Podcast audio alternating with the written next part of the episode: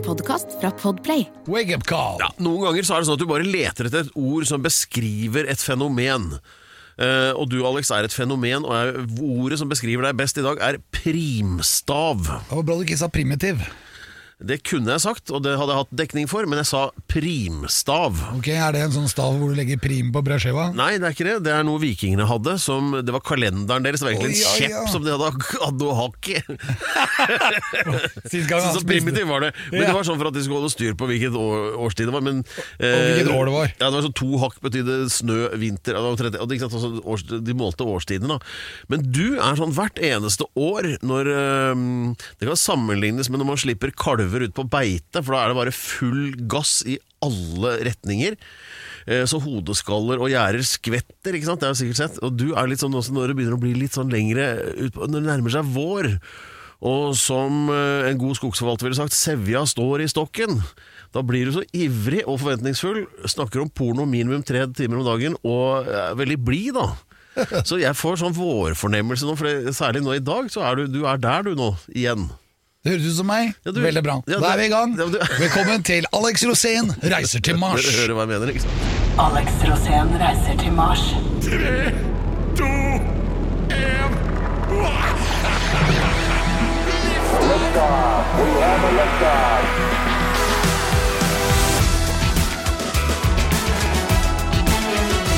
Dette er uh, Alex Rosén reiser til Mars. Og er planen svekket eller styrket den siste uken? Den vil jeg si er styrket. Redegjør.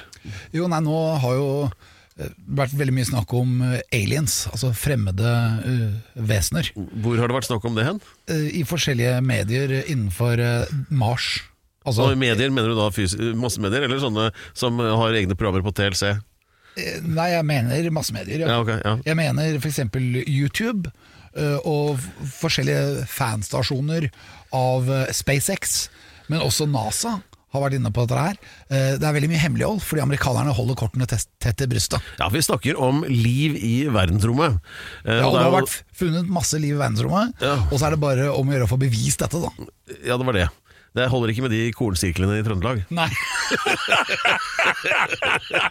Det er i beste fall en, et indisium. Men jeg syns det er veldig spennende.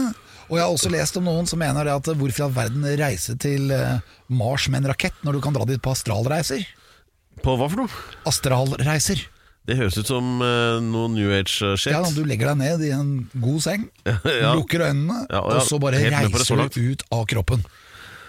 Ja, akkurat det er, så, det er sånn kumbaya-metoden. Ja, men Du sånn, kommer deg til Mars. er sånn rakettfri reise til Mars. Og Du kan til og med snu deg rundt i soverommet og se deg selv sove.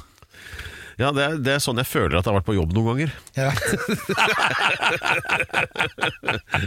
Men er det sånn at eh, din aller, aller, aller største helt, Elon Musk, nå har begynt å fokusere på, på liv i verdensrommet også? Ja, Jeg har ikke fått helt oversikt over det helt ennå, for jeg driver liksom min del av researcharbeidet.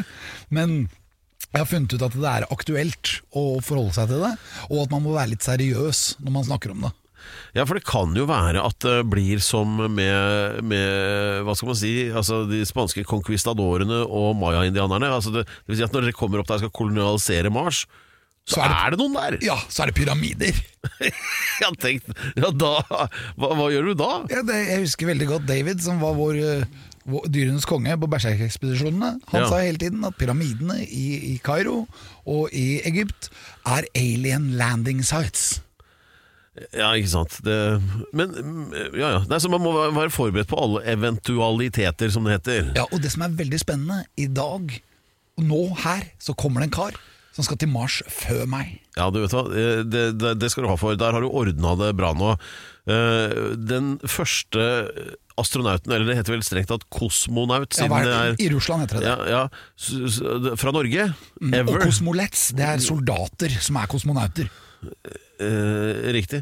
Og, mm, men eh, du har fått overtalt han til å komme hit. Ja, så han kommer nå. Han er på vei inn døra her nå. Helt utrolig. Kommer han i sånn dress med sånn, der, sånn gullfiskbollehjelm og Ja, og ikke bare det, han har betalt 100 millioner for å dra til verdensrommet. Jeg trodde han hadde betalt for å komme hit, jeg, men Det er og skal alltid være gratis, det kan vi love. Ja.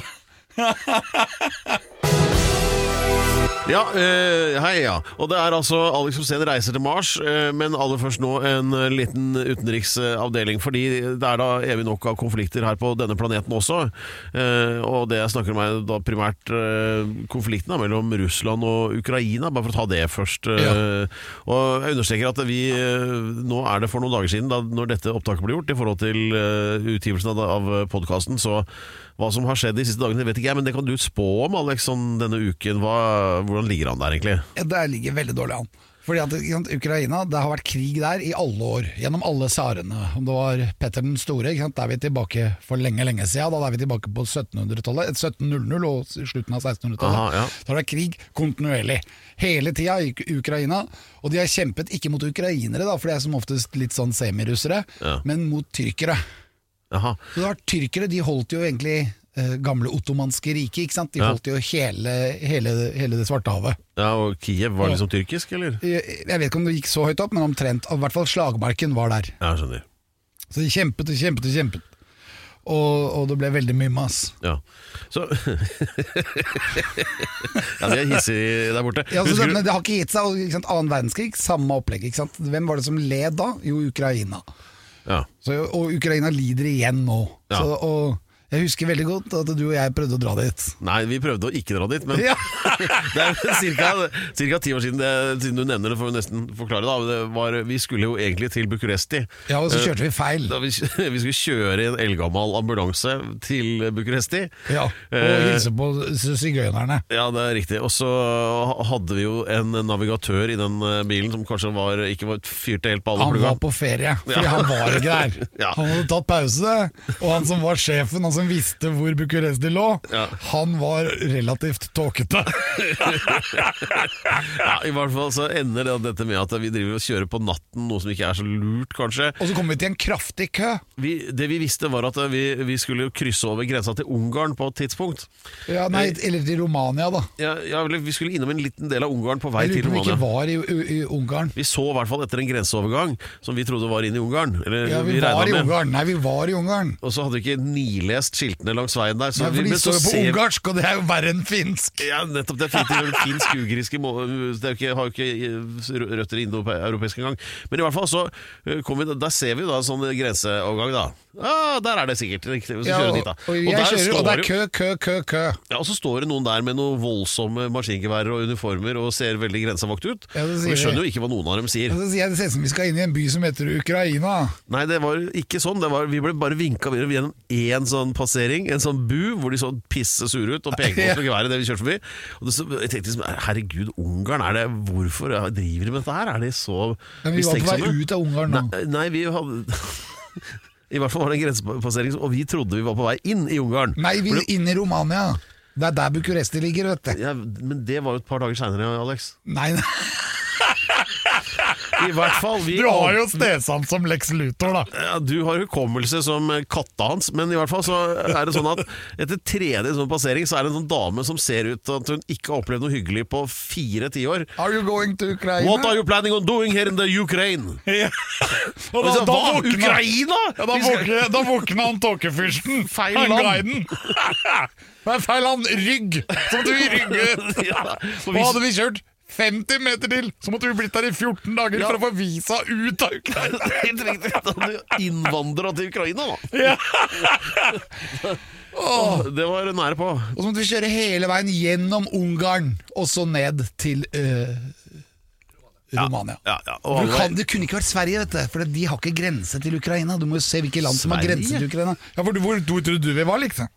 ikke, jeg, jeg var ganske sikker på at vi ikke var i Sverige. Ja, men Hvilket land trodde du var, ja? Tsjekkia? Jeg, trodde vi skulle være på vei inn i Ungarn.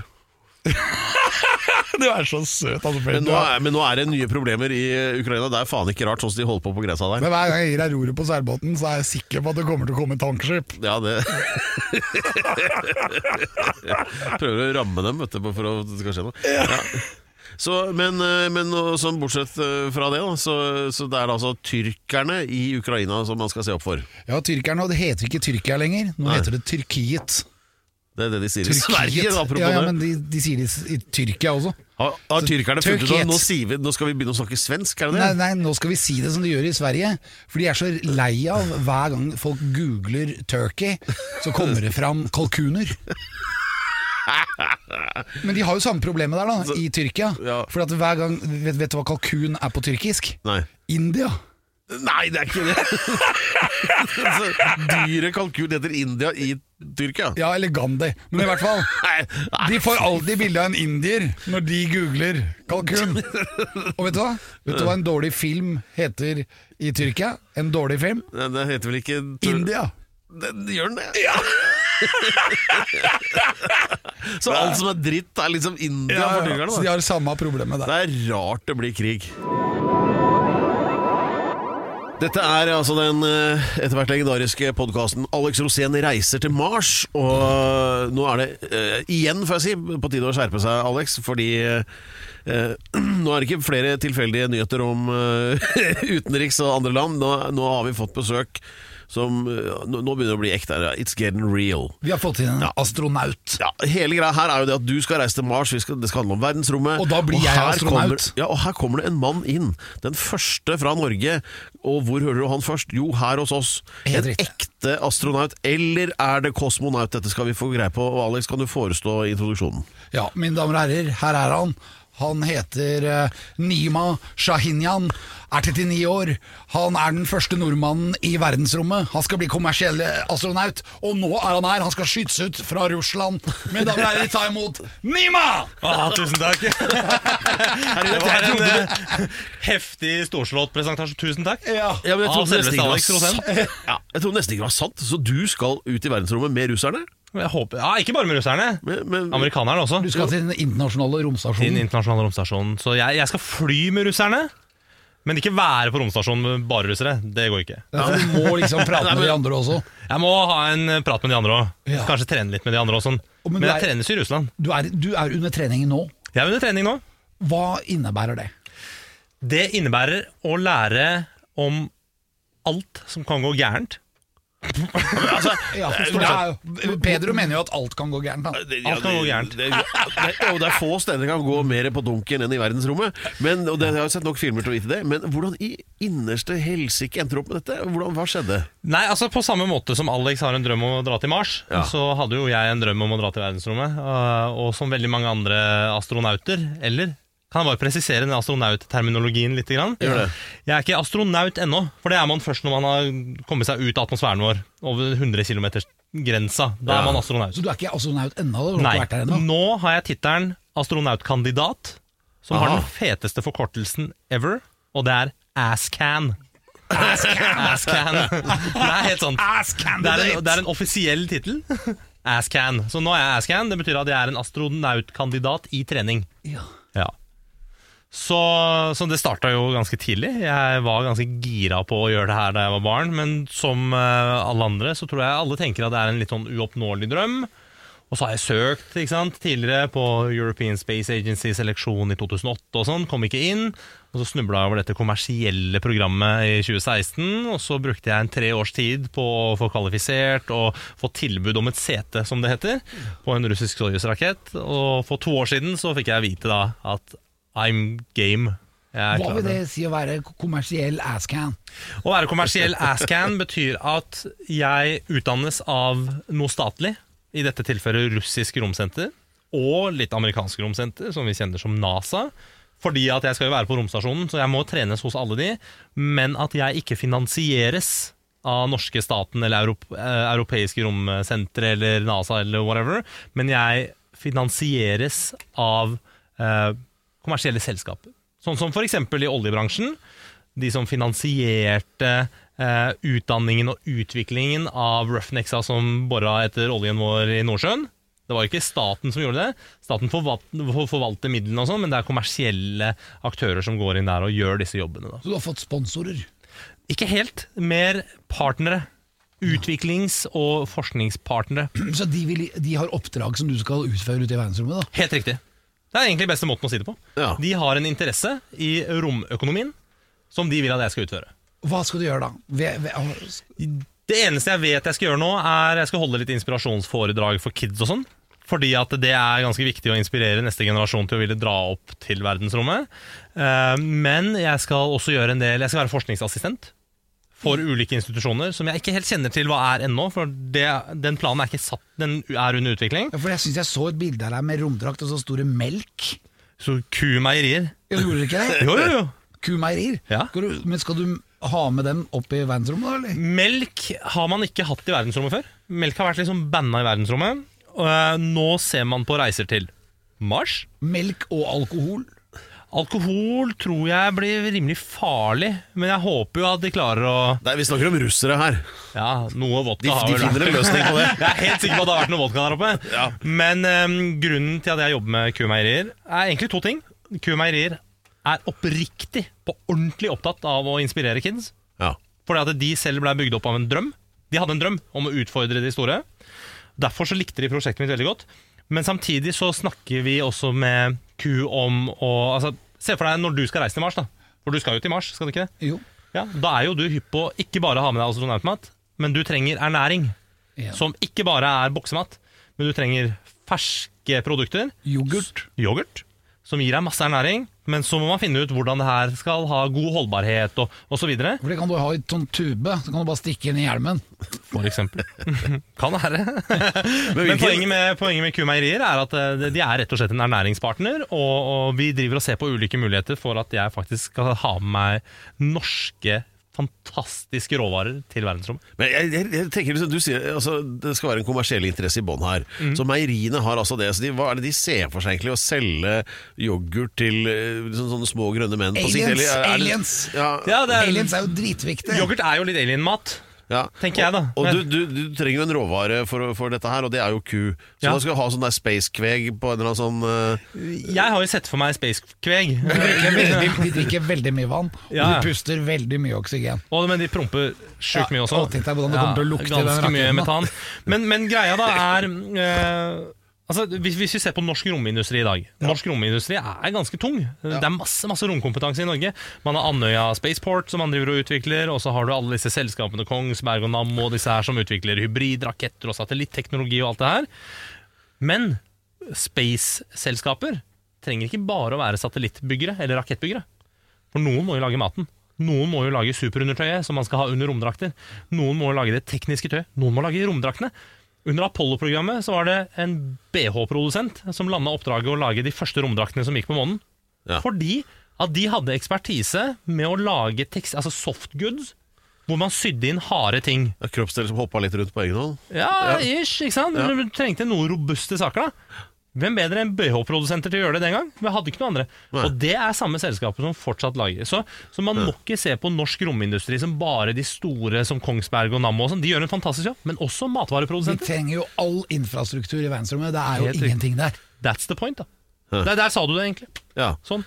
Den episoden er over. Nå du, Ja, Her er det penger å tjene. Men du ligger i trening. Helt riktig. Hva er det du trener på? Jeg trener på eh, Jeg starter med å si alt som går galt, og det er faktisk ikke en spøk. Eh, Veldig mye av min trening går på å lære absolutt alt av systemer. Det være seg hvordan man går på toalettet, til hvordan man lager maten, til hvordan man tar på seg en romdrakt og tar av seg. Hvordan går man på toalettet? Det er en meget interessant affære. Fordi eh, For det første så, så er det en prosess som tar en halvtime. Så, så du kan ikke plutselig bli tissetrengt og tenke 'nå må jeg på do'. Det går ikke. Så du må avtale med deg sjæl at jeg, jeg kommer til å måtte pisse om en halvtime? Litt sånn, eh, men det ligger også i kalenderplanen på Internasjonal romstasjon at det, du har dotider. Og det er flere grunner til. Det ene er at det tar lang tid å rigge opp systemet. Du må få i gang en del pumper og sjekke at systemet lyser grønt før du kan bruke det osv. Jeg er helt sikker på at de som hører på nå lager sine egne bilder, og det er jo klart at det, det kan gå skikkelig gærent her på jorda, altså hvor vi har uh, tyngdekraft hvis du har fått til deg f.eks. litt gammel yoghurt eller sånn. For eksempel. Eh, og- Eller vært på byen og ja, tenk deg det, og så Ja, legge til vektløshet i tillegg. It's gonna get messy. It's Så- gonna get messy. Ja. Men, men it's gonna get messy på det som kommer ut, men det blir ganske messy inni magen også, fordi Ja. at uh, organene blir også vektløse. Så alt bare flyter rundt. Så det å være i verdensrommet er ikke en hyggelig affære. Altså når man går på YouTube og ser på filmer av folk som driver og leker litt med vann og klinkekuler som flyr rundt på romstasjonen og har det kjempegøy, så er det noen tider av døgnet er nok sånn, men veldig mye av tiden, spesielt de første tre-fire ukene, er kvalme, oppkast, diaré. For kroppen trenger å tilpasse seg. Så når tarmsystemet bare ligger og vingler rundt i vektløshet hele døgnet, og nervesystemet ikke klarer å balansere det opp, for at synet og nerve... Altså, det er jo ikke noe opp og ned og siden på, i verdensrommet. Så går det gærent. Men det tar tid å rigge opp maskinene, eh, og så tar det tid å gjøre nummer én eller nummer to. Og måten man gjør det på er Nummer én er et eget rør Ja. med vakuum, som man putter penisen inni. Den er grei, den, den kan man se for seg. At det, Det kan man se for seg. Håndterbart, ja. Ja, det er, det er som en støvsuger. Og så Det blir det man mo- så det motsatte av å pisse mot vinden på båten, da, Ja, egentlig. akkurat motsatt av å pisse. Du, det, er- det er medvindsurinering. Men er, er det godt? Jeg har aldri prøvd. Selvfølgelig skal han dit. Jeg tror, jeg tror det er veldig systematisk. Du har ikke prøvd ennå, nei? Jeg har ikke prøvd ennå. men Når du øver, da, hva øver Nei, du nå da? bare Støvsugeren? Ja, det er, nå er det støvsuger. Nå er det bare teori. Og for kvinner så er det en kopp uh, som man legger på utsiden av kjønnsorganet, og så, så er det et vakuum som sørger for at urinen ikke flyter rundt. Samme er det med nummer to. Da må du inn med en støvsugerslange. Ikke inn med støvsugerslange på nummer to, men det er et sånn bitte lite hull. Det, er, det hullet er på 8 cm. Så det ser ut som en hobbit-do. Og så må man strappe seg fast ned på den og sørge for at man sikter helt i midten av det hullet. Og så ligger det en liten pose med vakuum inni den. Så når man tørker seg sånn, så går alt inn i den posen, og den sørger for at ting ikke bare flyter rundt i rommet. Og så knyttes den sammen, dyttes ned, og så brennes den. Ja. Men urinen den går tilbake i systemet og blir Vann. vann. Drikkevann. Helt riktig, så, så NASA-astronautene sier at uh, 'today's coffee is tomorrow's coffee'. Så det er Det er, liksom det er en ting jeg lurer på nå, og det er jo en, en fjert i verdensrommet høres jo ikke ut som mye, men det kan jo bli det inni en trang rakett. Eller er det, lukter det ingenting hvis det er lufttomt? Altså, en, Man skal helst eh, Man fjerter ikke like mye på romstasjonen og i raketten som man kanskje gjør i sofaen hjemme. Jeg tror man lærer å begrense det Får kanskje en helt utrolig bra sånn Ja. hangtime, som det heter. Men jeg har hørt, eh, det jeg har hørt er at det er vanvittig dårlig luft på romstasjonen. Ja. Så, så jeg, kanskje det bare blender bort, jeg vet ikke. Men det er veldig dårlig luft der. Det er ikke fresh air på romstasjonen. Det er det nok ikke. Det er mye å tenke på her, Alex. Ja, veldig spennende. Har du vært inne i en sånn uh, simulator? Jeg har vært i mange simulatorer. Jeg har vært i simulator på selve romstasjonen. Altså en tro kopi og en mockup av romstasjonen, og øvd. Eh, og så har jeg vært inne i en sånn grisetrang eh, Soyuz-kapsel. Hvor du Ligger sitter den liksom under vann? Eh, den, Jeg har også vært i simulatoren som ligger under vann. Ja, for, og det er fordi at da er det tilnærmingsvis øh, Vektløs. vektløst. Nesten. Fordi at det de gjør når jeg trener under vann, da trener jeg på det man kaller en EVA. En EVA er forkortelse for Extra Vehicular Activity. Hvilket betyr en romvandring. Det betyr at man tar på seg den romdrakta som er sånn bamse, den har sikkert sett, med det der gullvisiret og sånn, og så går man ut av romstasjonen og jobber på selve romstasjonen på utsiden. I Russland det er to bassenger i verden hvor man kan gjøre det. Det er badebassenger, som er to av verdens største badebassenger. Den ene er i Russland, den andre er NASA sin i Houston, på Johnson Space Center. Hvor man tar på seg den romdrakta, og under vann så ligger det en fullskala mockup av romstasjonen. Den i Russland har bare det russiske segmentet under der, for den er ikke like stor som amerikanerne sin, men ganske svær for det. Og så simulerer man vektløshet. Men det som er litt spennende, er at det er ikke som å bare hoppe i vann og bare oppleve vektløshet, for det gjør du ikke. For alle vil enten flyte eller synke, alt etter hva slags type kropp man har osv. Mm. men her blir man balansert helt nøyaktig. Samme som i dykking. Ja, men enda mer nøye. For der kan du ligge helt stille. Ja, Hvis du er superflink, så kan du ligge helt stille. Forskjellen på det igjen er at jeg, jeg har dykka ganske mye opp igjennom. Uh, man, det er krav om å ha dykkesertifikat og en del erfaring før man kan være, være i de simulatorene. Men med dykking så kan du balansere deg. Men allikevel så gir det ikke den vektløse sensasjonen, for at du kan balansere deg så du enten ligger på ryggen eller på magen eller i sittende på altså, du, du, du balanserer deg i én posisjon. Men her ligger de vektene helt sånn strategisk korrekte steder. Sånn at hvis jeg f.eks. prøver å snu meg, så vil min rotasjon i alle ulike akser være helt tilnærma vektløshet. Forskjellen på den derre Man kaller det for neutral buoyancy, altså nøytral flyteevne. ikke sant? Forskjellen på det jeg gjør i bassengsimulator, og eh, det man gjør i verdensrommet, er at i verdensrommet så er også organene, og alt er vektløst. Den vektløsheten kjenner ikke jeg på i basseng, selv om det store og det hele er relativt vektløst. Så det blir ikke en helt presis simulator, men det er det nærmeste man kommer. Har du prøvd sånne flya, sånn som du styrter, og så kan du gå Jeg har ikke over? det ennå. The Vomit Comet. Ja. Det er en grunn til at den heter det. Jeg har ikke prøvd den ennå, men det er en del av treningen min. Så i Vomit Comet så skal Jeg jeg prøve det, jeg. Har du prøvd det? Ja. ja. Da holdt jeg på å le meg i hjel. Spøy Det du? var jo så funny. Ja, Men spøy du? Nei, jeg var jo ikke edru. Nei, nemlig. Da skulle vi i hvert fall spøyd. Her ser du Alex, du byr på løsninger allerede. Jeg lo og lo og lo, for du blir jo litt kilen. Det blir det. Ja, jeg gleder meg veldig til å prøve det. Så jeg regner med at det blir Ikke regner med, jeg vet at det er neste treningscamp i Russland. På. Ja, det er, Så kult. Når er det den begynner? Forhåpentligvis om en fem-seks ukers tid, kanskje fire uker. Vet ikke ennå. Planlegger nå neste skritt av utdanningen min. Så hvert skritt legges opp basert på hvor bra eller dårlig jeg gjorde det sist. Når er det du kan regne med å komme deg ut i verdensrommet? Jeg har blitt, Akkurat nå så har jeg tilbud på et sete på en Soyuz-rakett som går tidlig desember 2023. Er det som er planen. Så det er ikke så veldig lenge til. og her har vi et ekte romkappløp, for det er før deg, Alex. Nei, det, det er ikke Ja, hvis det ikke skjer i år, Men da. kanskje du kan være med og være sånn, uh, være sånn uh, astronaut som kan lage yoghurt på turen? Ja, ja, Det er bare mulig å dra til Mars i 2022, 2024, Helt riktig. 2026. For det er Mars nærme nok. Så, ja, så Ja. når, hvis du skal i 2023, så er du før meg, da, er jeg antakeligvis før deg. Ja, nå Men begynner, du nå må begynner tenke Vent da, Per. Du må tenke på meg når du drar ut. Selvfølgelig. Jeg skal tenke på deg ja, så må du sende meg bilde hvor du bare gjøre sånn Jeg skal og gir rock'n'roll-tegn. Lover. Ja, for her er det, Det er dette, This is real. Nima er på vei, og Alex sin trening den starter nå.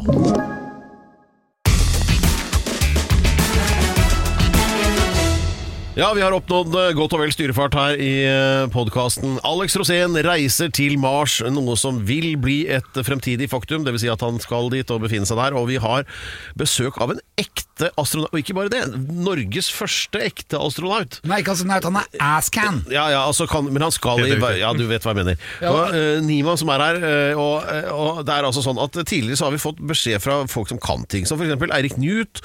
Og i forrige uke så hadde vi Jarle Steinberg her fra et amerikansk universitet hvor han eh, jobber med space-spørsmål, har virkelig peiling. Og nå også deg, Nima. Alle sier at ja, det er mulig. Alex kan reise til Mars, det kan, det kan skje. Vi får liksom sånn offentlig bekreftelse på det. Du nikker nå også. Selvfølgelig. Ja. Ja, men Ja, hvorfor skulle Alex ikke kunne dra til Ja, jeg kan Jo, tenke meg en hel rekke er- grunner, men, ja. men, men, men la oss heller bare gå på hva Ja, da ikke vær så, se så skuffa ut nå. ja, men det er jo Du, du må være litt mer positiv. Ja, men det er veldig viktig. Ja, Men, men nå skal jeg, spørre, kan ikke spørre deg nå, du sitter bare og finner på. Men Nima vet. Ikke sant? Så hva bør han ta tak i aller først sånn for å få til å gjennomføre dette? Hva er viktig å tenke på for å bli en god astronaut, da? Altså, for, for å bli en god astronaut så må du ha et mindset som er korrekt. La meg utdype. Ja. Noen tror at det mindsettet handler om å ha så mye bein i nesa at man tør å sette seg inn i en rakett. Som Vet du hva? cow- cowboy, liksom? Være litt cowboy. Det stemmer ikke helt. Nei, for det kan hvem som helst gjøre. Det, kan, som helst kan gjøre det er det. som å høre meg når jeg hopper fra tieren. Ikke sant? Man gjør ikke så mye når du hopper fra tieren, så du tar hoppet, men resten av fallet det skjer av seg selv. Ja. Raketten er litt sånn. Du setter deg inn i den, og så fyrer man over raketten, og så gjør den seg selv. Når lunta er tent, så er ja. Ja, men jeg tror, jeg tror for å komme seg til Mars så handler det ikke bare om mindsettet på de egenskapene du skal ha for å kunne utføre operasjonene, altså jobbene du skal gjøre i raketten eller romskipet eller whatever, eller når du kommer til Mars. Men det handler om å ha et mindset som gjør at du kan stå i det gjennom hele utdanningsløpet, gjennom hele reisen, og for å gjøre det så må du tro på at det er mulig. Og det her høres ut som noe litt abstrakt, men det er faktisk ikke det. Fordi veldig mange mister motivasjonen når de søker til astronautprogrammet. Se på den ESA-søknaden som foregår nå. Utlysningen gikk ut januar 2021. De får ikke vite om de har kommet inn før i oktober. De har vært gjennom masse tester. Jeg ser ikke gjennom tre år med testing. Disse prosjektene er prosjekter som omhandler standhaftighet. sant? Og hva slags standhaftighet må du ha? Du må ha en standhaftighet som forteller at dette skal du gjøre. I hodet ditt så skal du gjøre det. Så Det er litt som å gå til eh, Linderudkollen på ski. Når du kommer til Trollvann, så Så har du lyst til å gi opp. Ja. men du vet det er mulig å gå til Linderudkollen. Ja. Ikke sant? Og da går du til Linderudkollen. ja, eller når du er- stoppe på Trollvann. Ja. Og, så, og så når du har kommet til Linderudkollen, da, da må du jo tilbake òg, da. Ja, eller, Og ja, henta. Nei, du blir ikke henta Solheimskaubussen går fra den det? Ja, så kommer du tilbake og påstår til alle at du faktisk har vært på Men uh, ja, nei, det, Jeg ser på deg, Alex. Nei, jeg trekker det tilbake. Ja, så, så, så det er i hvert fall en av de tingene som er viktigst å få skjønne. Men du må også lære deg å være litt mindre deg sjæl. Og du må være litt omgjengelig, ikke sant? Nå er jeg så fan av deg at jeg hadde aldri bedt deg være mindre enn deg sjæl, men du må være omgjengelig. Du virker for meg som verdens mest omgjengelige, så den har du check. Ja, Og så må Ja. ikke bable høl i huet og, og, og, til deg om Tordenskjold hver dag. Nei, man må tørre å kunne si Altså, de astronautene man ser etter i dag Det Det er litt viktig det er kult å se på liksom astronautrekrutteringshistorie. sant? For at da man gjorde Apollo-programmene og Gemini og disse programmene som var rundt 60-70-tallet, så så man etter litt sånn cowboyer. Ja, sånne jagerflypiloter. Jagerflyvere, Ja. testpiloter hvis du, altså, Se på Neil Armstrong, var jo en av de pilotene som hadde skutt seg ut av et fly i Korea. Ja. Litt sånn på kanten av å være litt ustabil, men akkurat stabil nok. For det de trengte, var folk som var modige nok til å gjøre et åttedagers oppdrag. Fly til månen, gå rundt på månen på det totalt ukjente, fly hjem igjen. I en tid hvor man ikke visste om det var aliens på månen, eller om man ikke bare sank ned til intet når man tråkka på månen. Så du trengte folk som var villige til å ofre seg selv, og hadde sånn derre usaklig Jeg, mot. jeg tenker på det, Hva var egentlig oddsene for at eh, En ting var å komme seg dit, men å komme seg tilbake Altså, Se på de teoriene man brukte da. ikke sant? Man brukte jorda som en slingshot. Altså som en Ja. slags sånn Hva er slingshot på norsk? Er uh? Eh, Sleggekast. Sleggekast. Ikke sant? Sånn OL-kule på kjetting. Man brukte jorda som det. Ganske vill teori at det skal funke. Ja, men sentripetalkraften, liksom. Ja, ja men, men bare det å skulle lette fra månen Så man har en, bare en matematisk teori på hvordan tyngdekraften er. Man skal lette fra månen, og så dokke til eh, altså det man kalte for kommandomodulen, der Michael Collins satt. Og koble til å finne hverandre i liksom verdensrommets eh, vakuum og intet. Det er ganske ville saker. Ja, Det virker jo nesten umulig med den teknologien. Altså, De hadde lodda sammen noen gamle brødristere og noe Helt rått. Altså, Ja, ja. Og fikk dette her til Men det var jo ja, mer enn nok, da. Ja, tydeligvis. Og Så- alle overlevde. Ja, ja. Men man visste ikke at det var aliens på månen. Man visste jo vei- ingenting. Man veit jo ikke det helt ennå heller. Man vet ikke helt ennå, men nå har vi litt mer moderne teknologi. Vi har vært der, vi har prøver derfra. Vi har gjort bakterieprøver. Men husk at de første, de første Apollo-astronautene, Apollo var det 11 og 12 som kom tilbake, satt i karantene. 13 nådde jo aldri månen, men 14 til 17 da satt ikke i karantene lenger. For da visste man at det er ikke noen sykdommer og bakterier å ta med tilbake. For da hadde man gjort undersøkelsene. Men det var den generasjonen astronauter man rekrutterte. Og så gikk man over på å gjøre verdensrommet til mer vitenskapelig og lengre durations, altså lengre oppdrag. Romstasjonen f.eks. opptil et år av gangen, de fleste et halvt år. Og romferger. Romferger var også korte oppdrag. Det var alltid mellom seks og tolv dager var liksom romfergeoppdragene. Og De var også litt annerledes, for da Når man gjorde romferger, så trengte man ikke så mye teknisk kompetanse. For hvis ting ble ødelagt, så var det ikke noe stress, for man skulle fly hjem igjen om en uke uansett og mekke det. Men hvis du ser på romstasjonen i dag, så trenger man folk som er helt annen type generasjon. Man Ja. trenger folk som er omgjengelige, men teknisk kyndige, filosofisk tunge, gode formidlere osv. Det er farlig å få med en psykopat hvis du får med én sånn kar. Som du, På romstasjonen så vil du Det har jo vært eh, en incident som debatteres veldig mye nå. Vet Hva du. da? Hva skjedde? Og nå skal jeg fortelle deg. Ja. På, I 2018 Ja. så oppdaga man et Altså, det er ikke lenge siden. 2018, eh, tre-fire år siden, så oppdaga man et trykkfall på den internasjonale romstasjonen. Det begynte å lekke luft. Man skjønte ikke hvorfor trykkfall Da har man jo prosedyrer. Det kalles jo sikkerhetsprotokoller i fagmiljøet. Og da begynner man å lete. Hvor er det en lekkasje? Det første man sjekker, er jo disse dockingringene. Dvs. Si de ulike modulene som er kobla sammen. For romstasjonen er bare masse moduler som er kobla sammen til å bli en, et stort byggesett. Er dere med meg? Ja, ja. Og de koblingene de kan begynne å lekke litt. Et hårstrå i de kan sørge for å lekke luft. Ja. Så først sjekker man de, det er helt rutine. Og så begynte man å lete rundt under sånne her termiske tepper for en del av romstasjonen på innsiden. Se for dere en tapet som er litt tjukk. Kan du løfte opp de er festa med, med borrelås.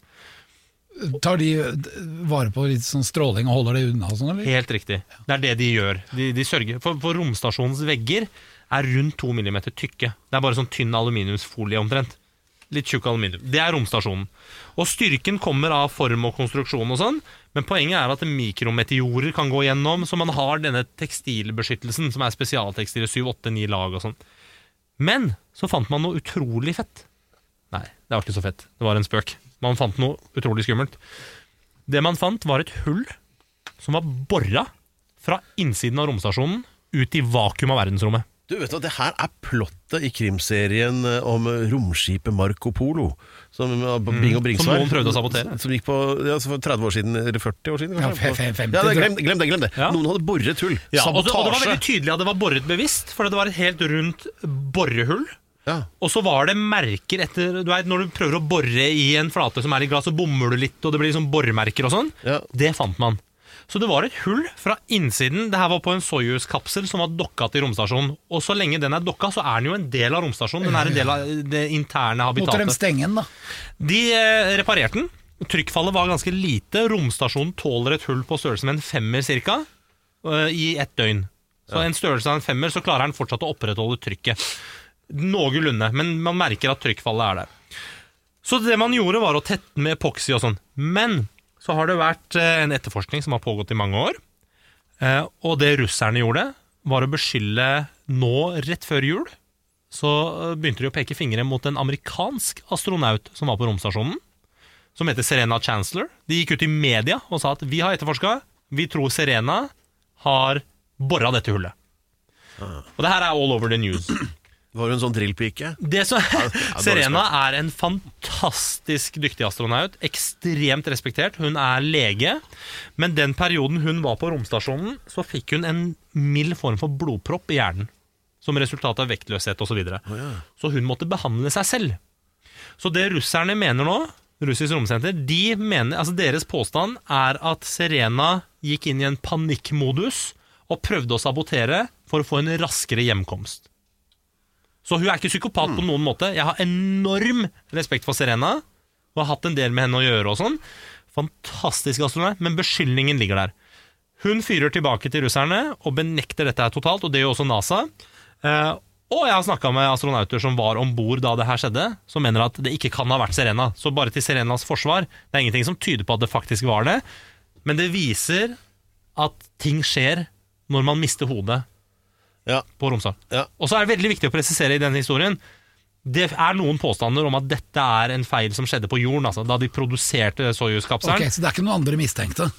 Foreløpig er det ingen andre mistenkte, men det er, det er litt sånn uh, ordkrig mellom russerne og amerikanerne Men- men- akkurat i disse men, men, dager. det, det, det åpenbare her, jeg, jeg trodde liksom at hele den romstasjonen var sånn At det var kameraer altså, overalt. Det er ikke kameraer i det hele tatt. Å nei. Nei, Annet enn det man skrur på sjøl for å filme litt, for å få oh. litt bra filmer og sånn, men det er ikke overvåka i det hele tatt. Å nei. Det er det ikke. Hæ. Og det er mye fordi at de bor så trangt, disse astronautene og kosmonautene. Eh, De bor så utrolig trangt. De trenger privatlivet sitt, og de trenger å kunne fokusere og jobbe. Ikke sant? De kan ikke ha kameraer på seg. Hvordan sover du i verdensrommet, da? Du ligger i en sovepose hvor hodet stikker ut, eller du kan ha en sånn hette, og så stikker arma ut, men beina er inni. Og så er man festa med borrelås på veggen.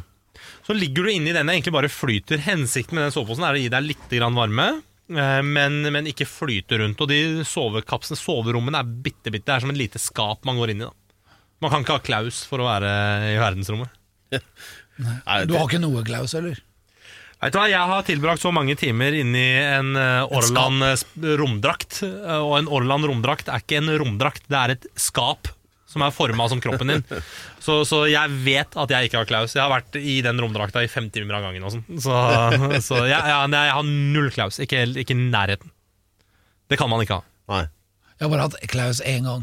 Ja, Det må du ikke få igjen. Det var når jeg dykka, og så dykka jeg inn i en hule, og så ble det så trangt at jeg måtte ta av meg flaska med men det noe oksygen. annet? Og så måtte Ja. jeg gli gjennom det greiene, og så var jeg Ja. på 20 meters dyp. Og husker jeg akkurat når jeg lå i midten der, så tenkte jeg sånn Tenk hvis jeg blir sittende fast her, da. Ja, Men, men, men, men det, det er en litt annen type Klaus. Ja. Men, men Klaus er noe man må øve på. Ja. For det, altså, Hvis du sitter hjemme i covid-isolasjon, og plutselig så begynner veggene å bli trange rundt deg, og du begynner å bli koko av å sitte der niende dag på rad Den gang det var sånn tidagers uh, karanteneregler og sånn, da kan man gå ut på verandaen og få litt luft, eller gå i bakgården, eller. Det er ikke noe problem. Du kan ikke gjøre det i romstasjonen. Ja. Men det, det, det, det du sier her, Nima, det er jo klart at eh, alle kan forestille seg at det er en psykisk belastning som er helt vill Helt å være i, altså innkapslet bokstavelig talt på den måten i så lang tid.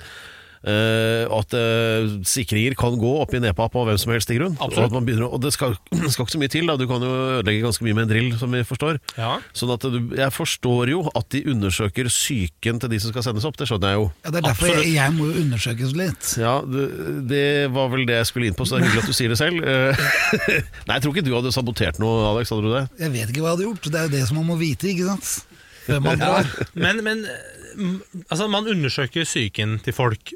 Den psyken handler ikke bare om å sabotere eller, eller eh, at sikringer oppi, oppi hodet går. Det er ikke bare det det handler om. Men det handler også om hvordan man fungerer med andre.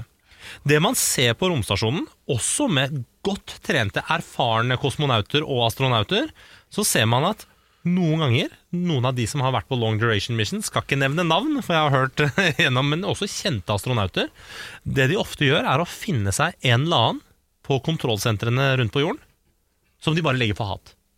Oh, ja. Uten at det er en grunn til at det akkurat er den personen, men man bare trenger et eller annet å negge på, og da hakker de på den personen. Dag etter dag, måned etter måned. Uten at den personen har gjort noe. Den personen møter opp på jobb og jobber i Mission Control, liksom. Og snakker med astronautene. Har ikke gjort noe gærent. Blir et tilfeldig offer for astronauter. Det skjer.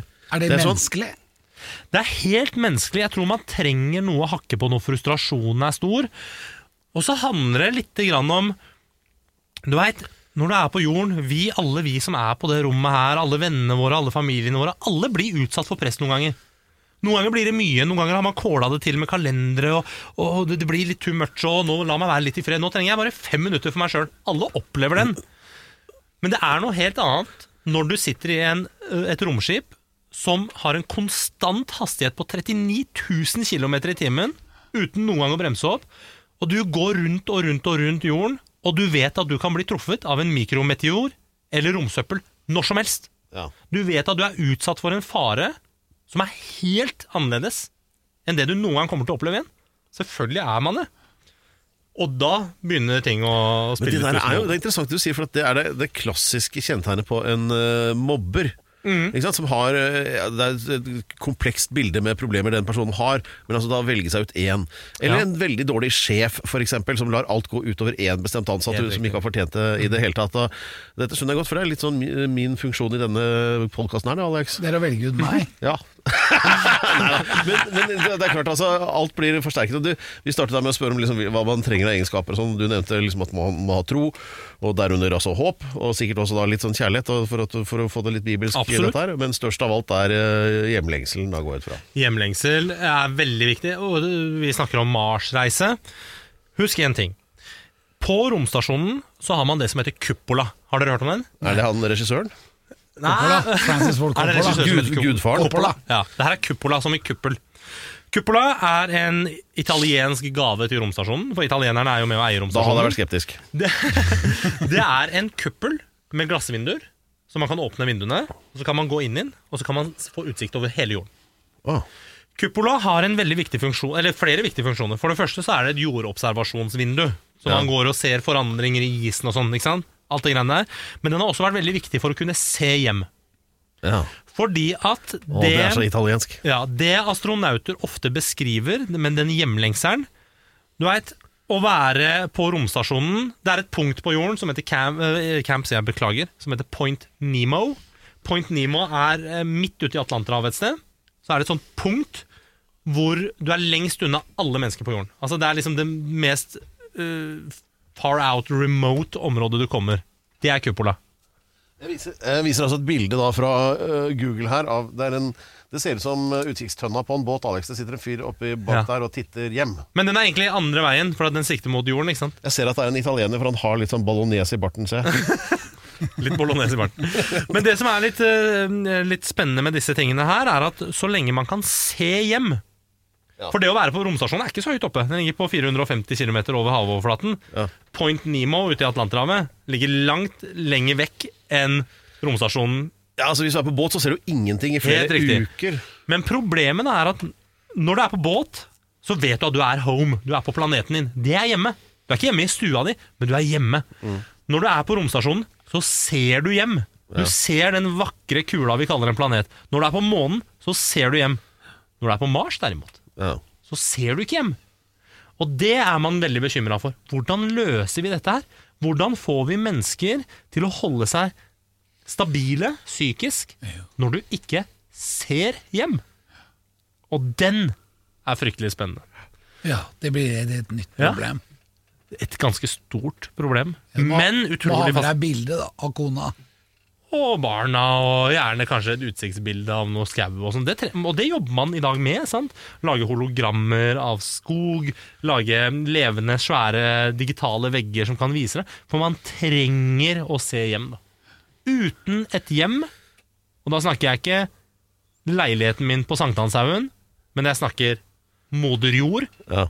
som vi ikke må glemme at det er verdens mest fantastiske og vakre og mest unike romskip som bare svever rundt. Hvor er det, ja. Med så mange fine tettsteder. så mange fine tettsteder.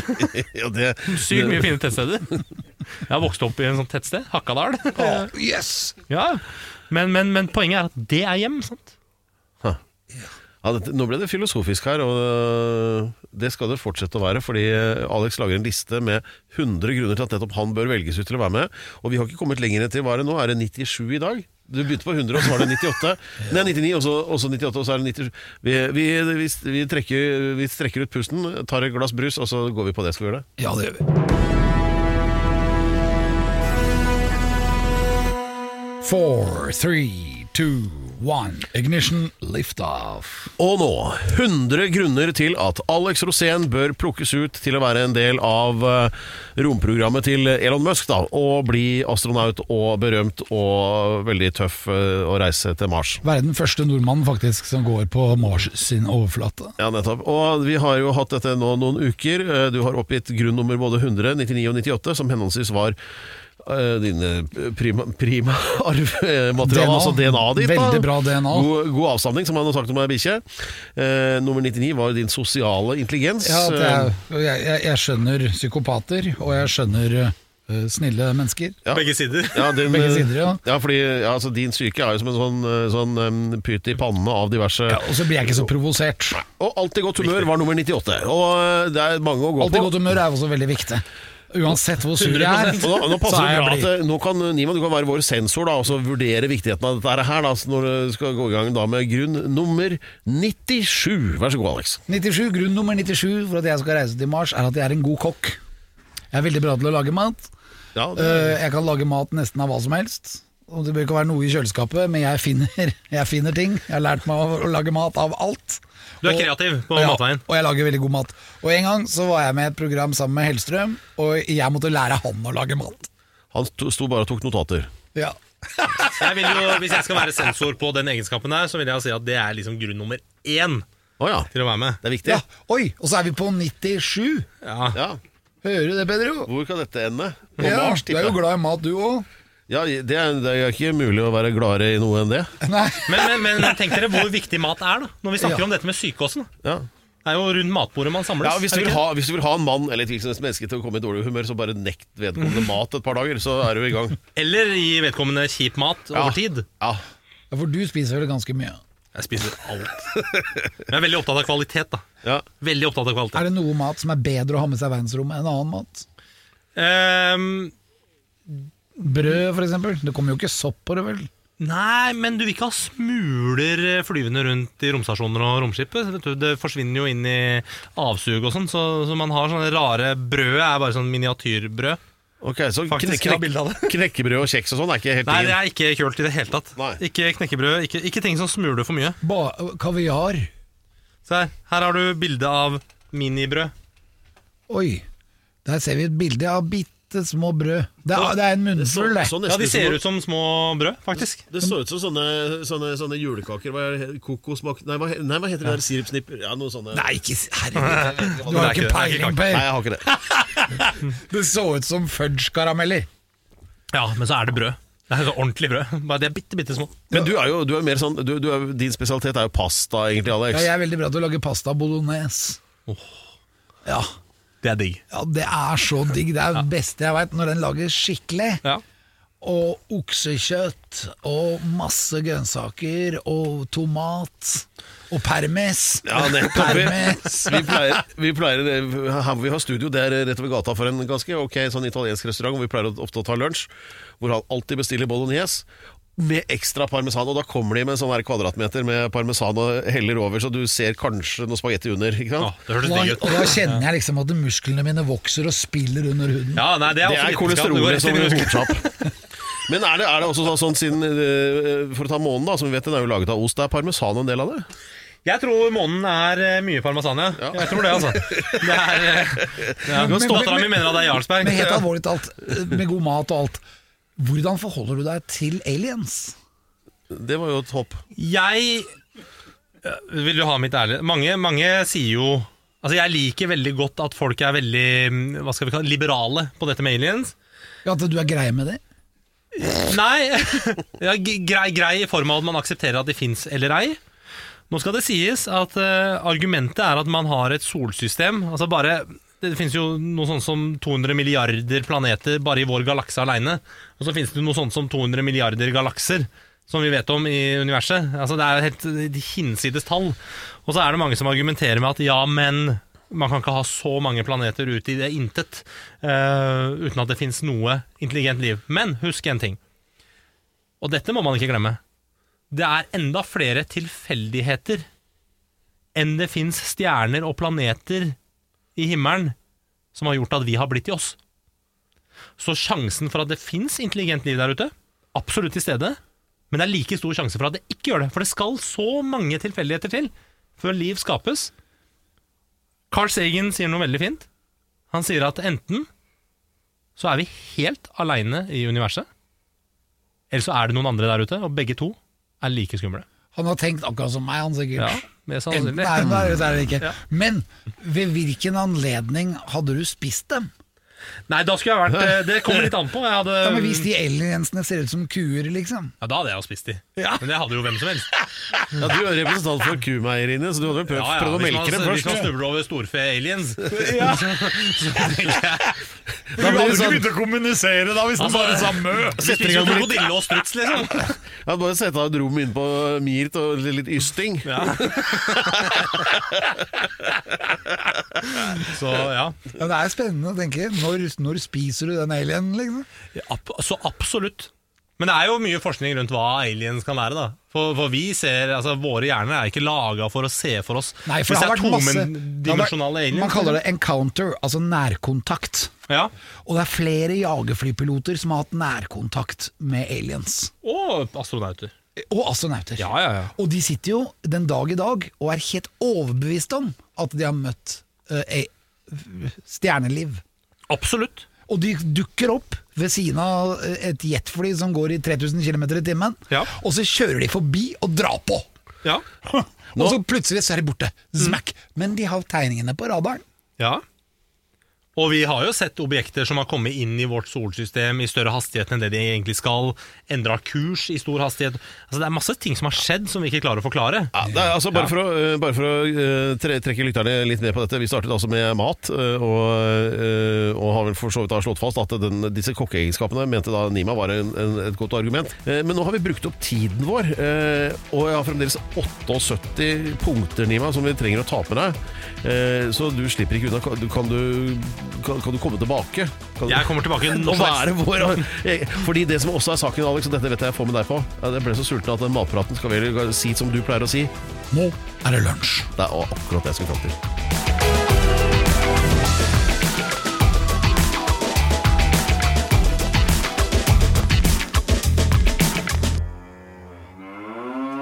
Du har hørt en podcast fra Podplay.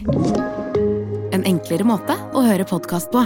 Last ned appen Podplay, eller se podplay.no.